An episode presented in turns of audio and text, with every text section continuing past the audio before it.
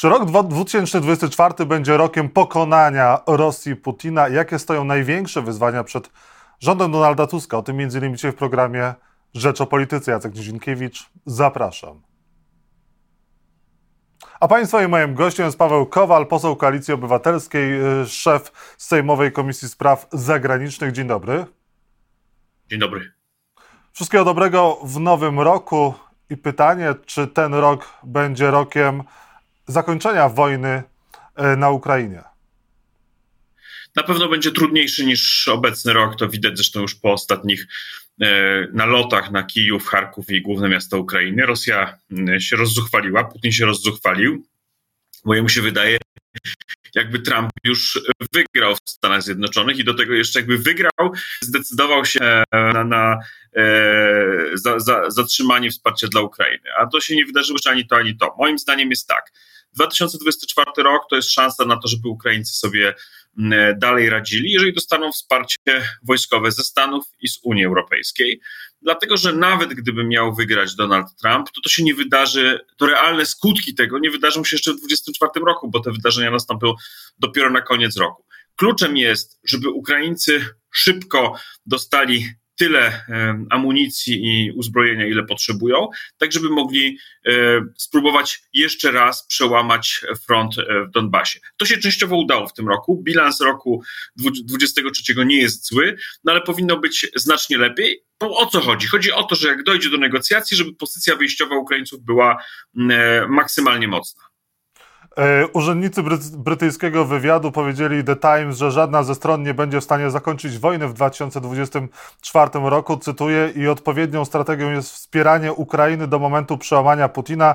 Według nich Ukraina może utrzymać swoją obecną pozycję bez pomocy Stanów Zjednoczonych. Łatwiej jest wspierać Ukrainę w defensywie zdolną chronić odniesione sukcesy niż przejść do ofensywy, powiedzieli.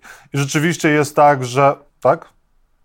Wszyscy się już przyzwyczaili, tak jakby właśnie zaszły te dwa, e, te, te, dwa czynniki, czyli że Trump wygrał i do tego wstrzymał pomoc dla Ukrainy. Po pierwsze, nie jest pewne, czy e, Trump wygra i każdy, kto się zajmuje polityką amerykańską, wie, że tam się jeszcze wiele wydarzy, szczególnie jeżeli chodzi o mobilizację obozu demokratów. Po drugie, nawet jeżeli Trump wygra, to nie jest jasne, jaką do końca będzie prowadził politykę po wyborach. Także e, ja jako polityk nie jako analityk powiedziałbym tak, wszyscy się mobilizują w 2024 roku i to jest zadanie dla Zachodu, dlatego że jedno, co jest bardzo ewidentne w ostatnim czasie, to jest Putin szuka jakiegoś rozwiązania, żeby sobie trochę odsapnąć, żeby e, przeczekać, dozbroić się, przegrupować siły, a Zachód nie może mu na to pozwolić. Jaki jest na to sposób? Sposób jest prosty. Wspierać Ukrainę zarówno tymi środkami, które pochodzą z Unii Europejskiej, jak i środkami amerykańskimi, politycznymi, wojskowymi, finansowymi, wszystkimi możliwymi, dlatego że zagrożenie ze strony Putina, jeżeli damy mu odsapnąć, jest znacznie droższe i większe niż wspieranie Ukraińców dzisiaj. To jest bardzo proste. Wspomniał Pan o Donaldzie Trumpie, gdyby on powrócił na fotel prezydenta Stanów Zjednoczonych, to jest zagrożenie, to jest niebezpieczny wariant dla Ukrainy, ale również dla Polski?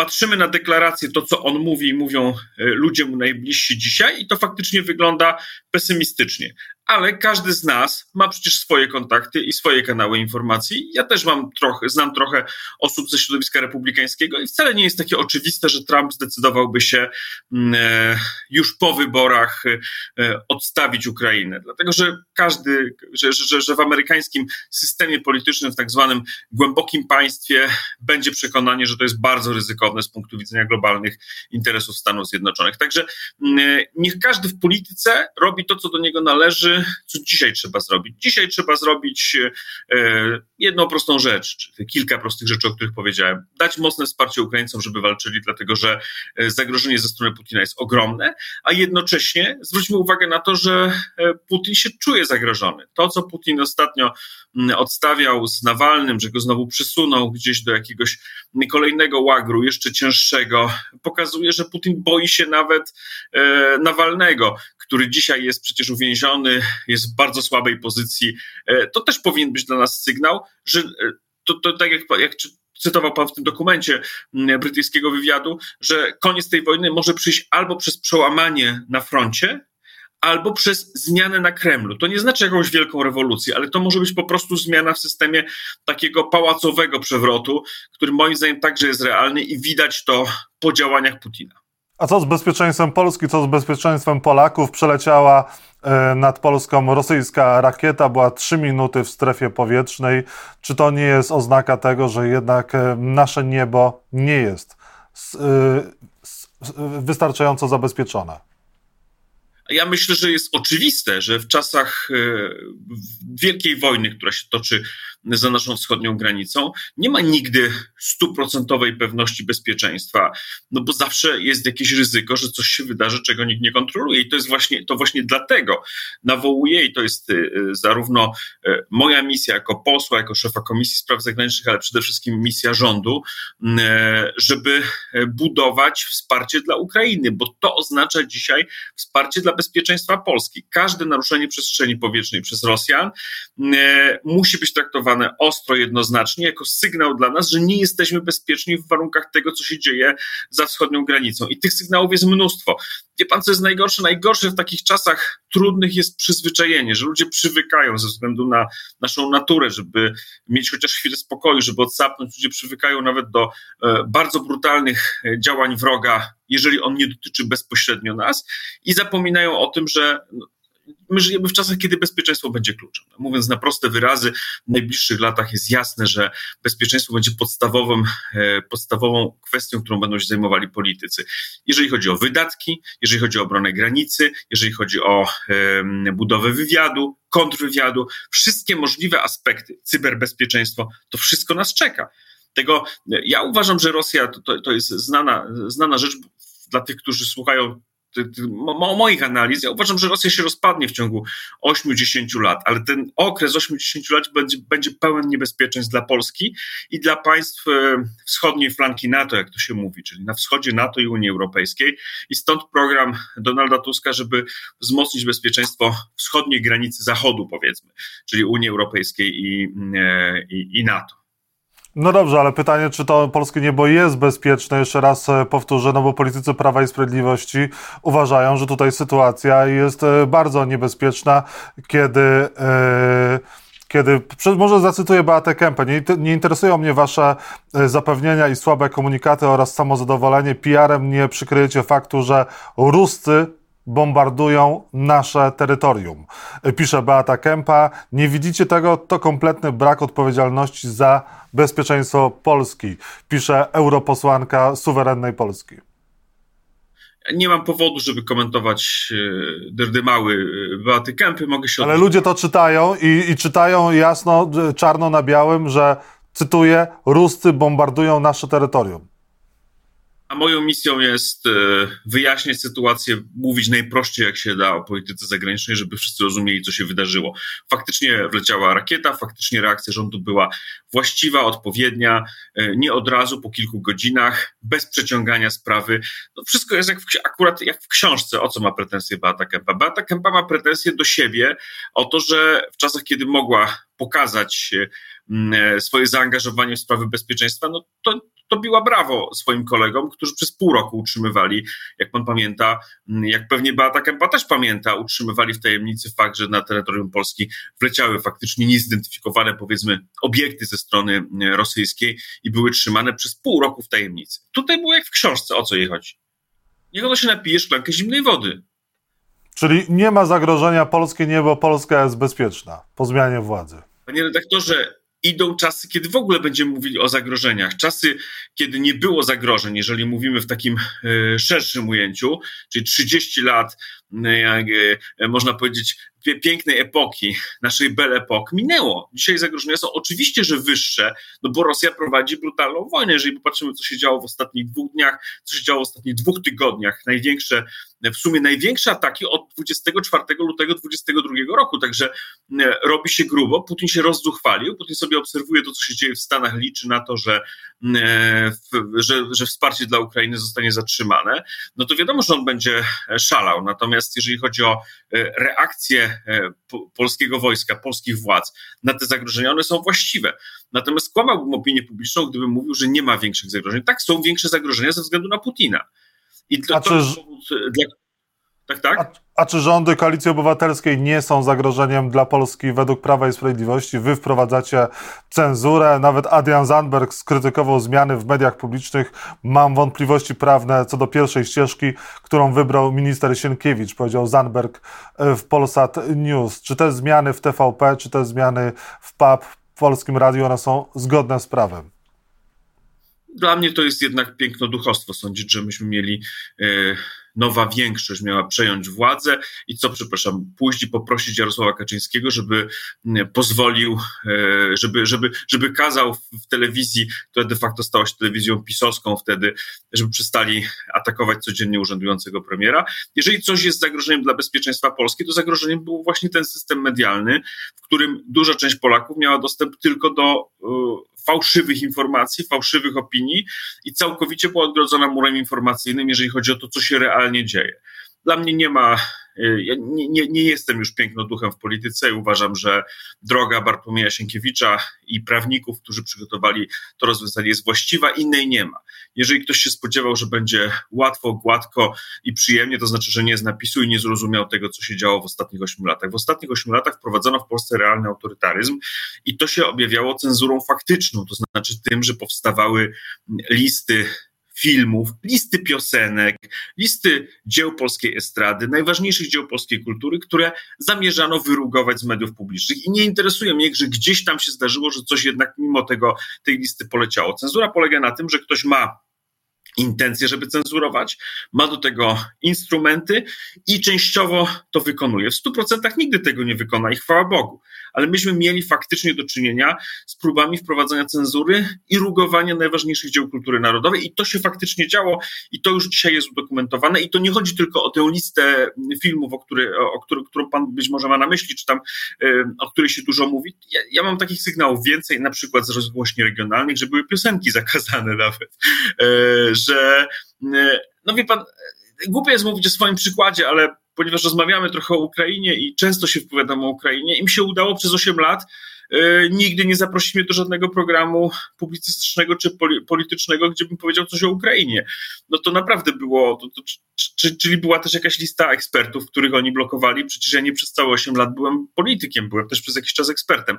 To, to co oni robili, wymaga jasnej, jednoznacznej akcji i nie da się dzisiaj jej przeprowadzić e, w taki sposób, żeby nie bolało i żeby wszystko wyglądało aksamitnie. Niestety, nie jest tak, tak wygląda. Nie jest tak, że psuje, nie jest tak, że psujecie sobie opinię, rząd Donalda Tuska psuje sobie opinię również na świecie tą zmianą w mediach publicznych. Nawet Helsińska Fundacja Praw Człowieka ma wątpliwości co do zmian prawnych dokonywanych w mediach publicznych. Jak na świecie, jakie pan ma komunikaty, jaki jest odzew na to, jak zostają te media zmieniane? Tym, którzy mają wątpliwości, trzeba wyjaśniać i trzeba pokazywać, jaka jest e, realna sytuacja. Nie ma możliwości, żeby rząd prowadził politykę chociażby w sferze bezpieczeństwa, a codziennie, a codziennie w, w głównym wydaniu dziennika telewizyjnego Danuta Cholecka mówiła e, Für Deutschland i podawała fałszywe informacje, kłamstwo na temat urzędującego premiera. To byłoby działanie wbrew interesowi i bezpieczeństwu państwa. Tak się, tak się po prostu nie da. Ja, ja nie mam wątpliwości, że to trzeba było przerwać. Oni sobie wymyślili, wie pan, oni sobie wymyślili państwo jak komuniści po 89 roku, czyli nawet jeśli przegramy w wyborach, to tak sobie wszystko poukładamy, że i tak wszędzie będziemy rządzić. No i teraz wielkie zdziwko u niektórych, że nagle się uniemożliwia e, opozycji e, pisowskiej pełne kontrolowanie mediów publicznych. No tak musi być. Oczywiście, że oni by chcieli, żeby to trwało 4 miesiące. Oni są spryciulki, cwaniaczki, dlatego że doskonale, że za 4 miesiące mniej więcej są wybory samorządowe. Czyli oni sobie wymyślili, że przegrają wybory jedne, potem będą kontrolowali całą tą publiczną sferę informacyjną i wygrają wybory regionalne. No przepraszam bardzo, dlaczego ktoś oczekuje od dzisiejszej większości, że nie będzie używała wszystkich możliwych instrumentów, żeby to przerwać? No przecież to byłoby absolutnie niezrozumiałe i nieuczciwe wobec wyborców, którzy po prostu dokonali wyboru i to nie był wybór na, na korzyść PiSu.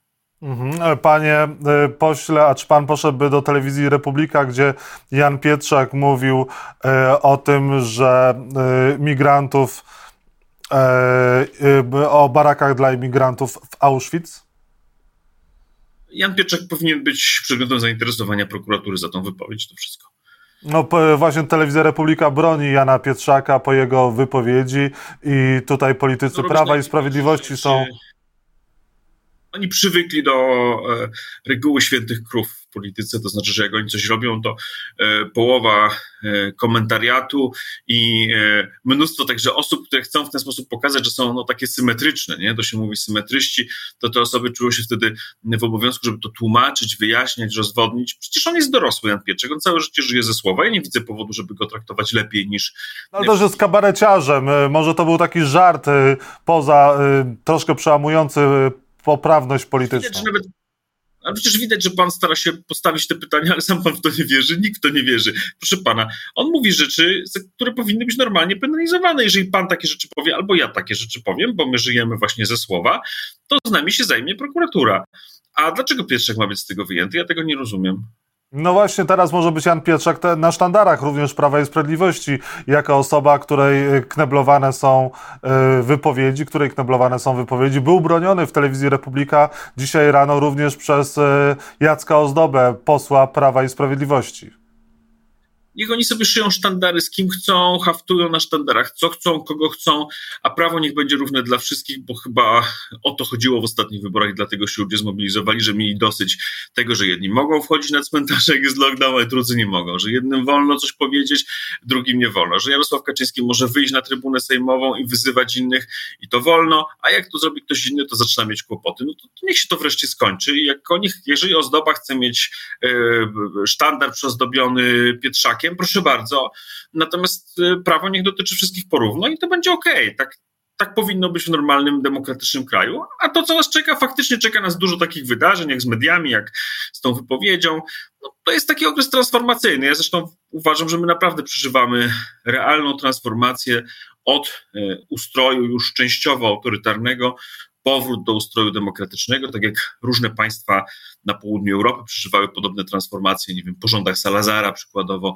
Y, I, i rozumiem, że czeka nas trochę um, turbulencji, y, kłopotów, niezadowolenia różnych osób, które chciałyby, żeby wszystko było. No i jedną z tych osób jest chyba prezydent Andrzej Duda, który w swoim y, orędziu dosyć mocno zrugał rządy Donalda Tuska, z drugiej strony zapowiadając chęć współpracy. Na ile ta chęć współpracy to są tylko słowa, a na ile Andrzej Duda jest właśnie tutaj po stronie Prawa i Sprawiedliwości takim rzecznikiem tego ugrupowania i realna władza teraz PiSu przeniosła się do Pałacu Prezydenckiego. No ale zastanówmy się, co, co się wydarzyło z tym orędziem. Prezydent wygłosił orędzie, jak był politykiem opozycji. No przecież że sam się nad tym nie zastanowił, co robił. No to co ja, co ja mogę powiedzieć? No. Orędzie prezydenta, które jest skierowane do wszystkich obywateli, e, noworoczne orędzie, powinno być związane z planem na przyszły rok, życzeniami, próbą budowania jedności, a prezydent skorzystał z tej okazji, jakby nawiasem innych nie miał, ma przecież mnóstwo okazji, po to, żeby się przedstawić jako polityk PiSu. No to się przedstawił jako polityk PiSu na swoją zgubę, bo tak będzie też traktowany, a niedługo się kończy jego kadencja i tak zostanie zapamiętany, nie jako prezydent Rzeczypospolitej. Dobrze, ale jak będzie wyglądała ta współpraca? Czy te orędzia Donalda Tuska i orędzie prezydenta Andrzeja Dudy to była zapowiedź wojny na górze, nowej wojny na górze? Będzie tak wyglądała ta współpraca, jak, jak, jak, jak, jak to wygląda u Andrzeja Dudy jako prezydenta. No. Czasem coś yy, zrobi wyjątkowo yy, logicznie, no to wtedy jest bra, wtedy są brawa, bo wszyscy się cieszą, nie wiem, że na przykład prezydent był miły, się cieszą, nie? E, normalnie będzie ciężko, no znaczy nie wiem, to chciałbym powiedzieć tylko obywatelom, wyborcom, którzy głosowali na zmianę w Polsce.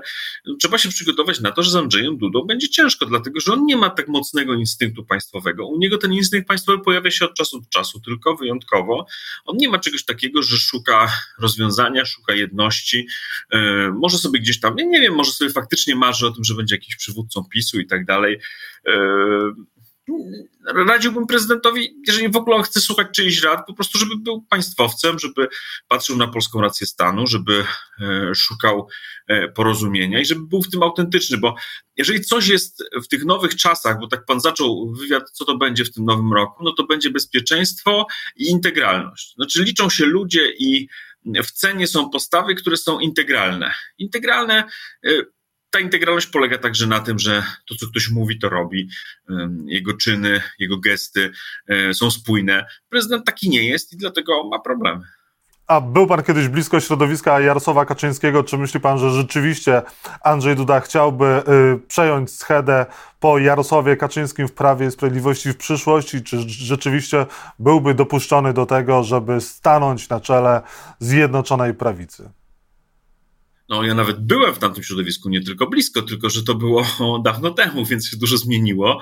I nie wiem, czy dzisiaj mogę coś sensownego na ten temat powiedzieć. Oni mają doświadczenie e, pożegnania się ze swoimi ideami, bo przecież po, po 15 roku to już było, to było jasne, że pożegnali się z tymi wielkimi ideami walki z korupcją, walki z kolesiostwem, walki z wprowadzaniem swoich rodzin na stanowiska i wreszcie e, stali się partią, która zaczęła wprowadzać władzę no, autorytarną właśnie z tymi elementami cenzury, z elementami e, dławienia całego wymiaru sprawiedliwości. To ja takich ich nie znam. Nie, nie będę się tu silił na jakieś mądrości. Myślę, że oni są e, to, to, co widać, oni są przed jakąś wielką zmianą też wewnętrzną, dlatego że oni w tym kształcie nie, nie dadzą rady przetrwać. Oczywiście tam przetrwa jakiś główny trzon, bo mają dużo pieniędzy jako partia polityczna, ale z takim doświadczeniem e, autorytarnym, no to ich czeka e, długa droga wychodzenia długa droga wychodzenia, żeby stali się autentyczni. To zresztą widać nawet w kontekście tych mediów, że oni chcą coś zaprotestować, chcą coś powiedzieć o demokracji, no to, ale to brzmi wszystko kabaretowo, no bo no wszyscy pamiętają, co było parę tygodni temu. No, Beata Kempa e, ma pretensje, mm, e, już pomijam merytoryczny aspekt, ale ma pretensje do obecnego rządu o stan bezpieczeństwa granic. No obecny rząd jest parę tygodni, nawet miesiąc nie jest, no to jeśli ona w ogóle ma jakieś pretensje, to do siebie powinna mieć pretensje. My z tego wszystkiego wszyscy będziemy wychodzić kilka lat, a pisowcy będą się podnosić ze swojego doświadczenia e, pokaleczenia sobie rąk e, poprzez wprowadzanie w Polsce rządów silnej ręki jeszcze dłużej. To, to, to będą długie procesy, to nic się nie wydarzy w tydzień czy dwa. Rozmawialiśmy o bezpieczeństwie i Pan wspomina teraz o długich procesach, a co z przyjęciem przez Polskę euro? Kiedy i czy powinna Polska przyjąć euro? Czy może ten rok jest takim rokiem, który nas zbliży do tej wspólnej europejskiej waluty w Polsce? Do tego są potrzebne konkretne parametry ekonomiczne, my ich w tej chwili nie spełniamy, więc ta sprawa dzisiaj nie leży realnie na stole.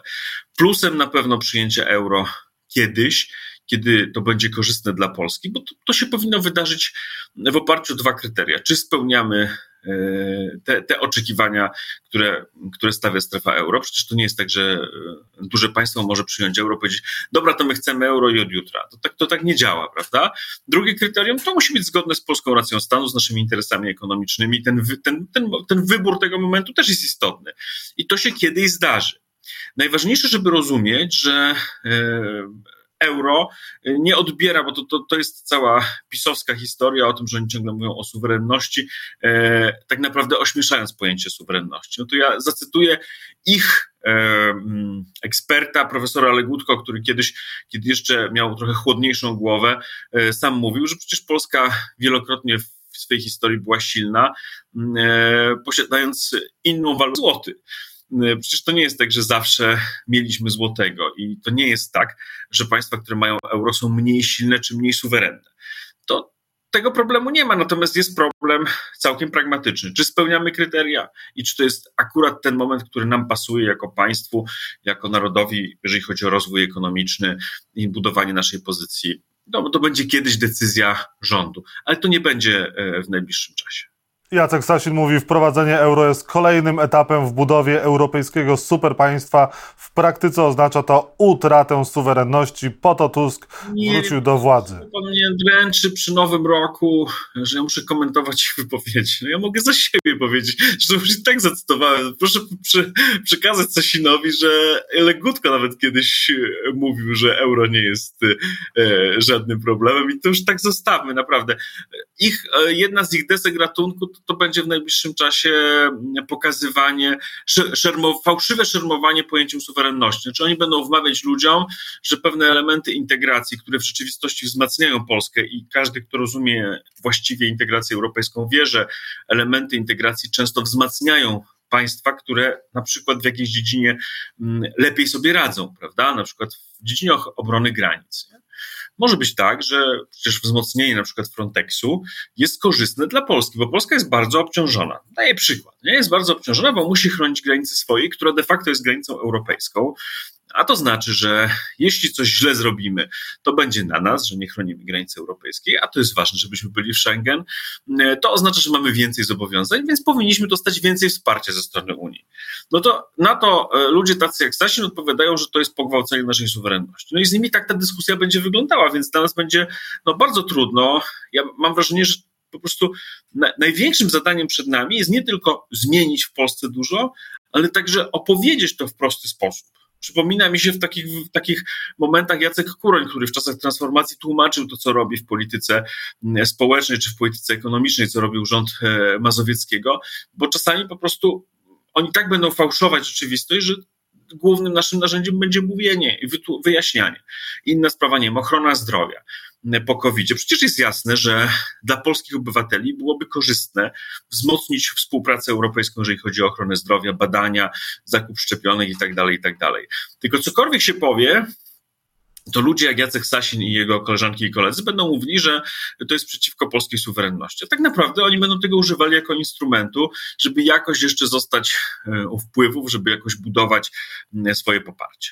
No właśnie, pytanie, czy y, zmiany traktatowe mogą wpłynąć na to, że Polska y, będzie miała teraz jakieś problemy z suwerennością, czy ta suwerenność Polski zostanie y, ograniczona, no bo na przykład pan Tomasz pyta, czy Polska pod rządami koalicji 15 października dorobi się cywilizowanej polityki migracyjnej i imigracyjnej? Dwa te, tu są dwa tematy. Integracyjnej. Nie będzie zmiany traktatu. Zacieśnienie współpracy w pewnych obszarach można uzyskać bez zmiany traktatu. E, dzisiaj nie ma warunków na to, żeby, się, żeby zmienić traktat europejski. To jest e, zbyt skomplikowana operacja. Mogę to w szczegółach wyjaśnić, ale to nawet gdyby, nawet gdyby to się udało, to i tak trwałoby kilka lat, a dzisiaj to się nie uda ze względów politycznych. Znaczy, każdy, kto się profesjonalnie zajmuje sprawami europejskimi, wie, że to wymaga chociażby zgody wszystkich państw członkowskich, w każdym państwie trochę inaczej wyrażanej przez parlament, przez referenda. A, a my jeszcze nie weszliśmy nawet w proces pisania takiego traktatu, więc dzisiaj to w ogóle, znaczy to są pisowskie e, fixum dyrdum i szkoda czasu na to. Oni też wiedzą, że to nie jest dzisiaj możliwe. Dobra, Druga to... sprawa to jest polityka. Proszę, proszę. Polityka migracyjna. Polityka migracyjna kluczem mam, mam nadzieję, że to w oparciu o doświadczenia ostatnich lat, ostatnich kilkunastu lat, e, jest wiceminister Duszczyk, który jest bardzo dobrym specjalistą, że już on dopilnuje tego, żeby ten bazowy dokument, jeżeli chodzi o to, jaką Polska ma prowadzić politykę migracyjną, powstał. To jest jedno z zadań tego rządu w oczywisty sposób. Dlatego, że E, była afera wizowa, która będzie wyjaśniana przez, e, przez komisję sejmową, ale jest też tak, że no nie może być tak, że na konsuli przerzuca się decyzje w zakresie polityki migracyjnej. Bo jest oczywiste, że do Polski przyjeżdżają migranci, jest oczywiste, że będą przyjeżdżać, bo takie są procesy, ale jest też oczywiste, że państwo powinno na to reagować, mówić, chcemy to robić w takim trybie, jeżeli ktoś przyjeżdża, chcemy go przeszkolić z prawa miejscowego, naszego, nowego dla niego, chcemy go przeszkolić z miejscowych warunków w poszczególnych nie wiem, powiatach, gminach, tam gdzie będzie mieszkał, chcemy go przygotować i tak dalej, i tak dalej, mnóstwo zagadnień. I to powinno się odbywać z poziomu e, decyzji rządowej, a nawet więcej. Jeżeli się da, jeżeli jest mądra opozycja, także ustalone jest opozycją żeby w sensie strategicznym e, dawało to możliwość działania na korzyść państwa. A co u nas było? U nas było, nie było tego dokumentu. Nie Panie pośle, co u nas było, to wiemy, a musimy kończyć. A jedno mam pytanie do pana jeszcze na temat tego, co będzie. Mamy 10 sekund na odpowiedź. Czy pan zagłosuje za, yy, za tym, żeby Krzysztof Bosak przestał być wicemarszałkiem Sejmu? Czekam na jasną deklarację Krzysztofa Bosaka yy, odnośnie do tego, co wyprawiał Brownie. Od tego to uzależniam. Paweł Kowal, poseł Koalicji Obywatelskiej, był Państwa i moim gościem. Bardzo dziękuję za rozmowę. Dziękuję bardzo.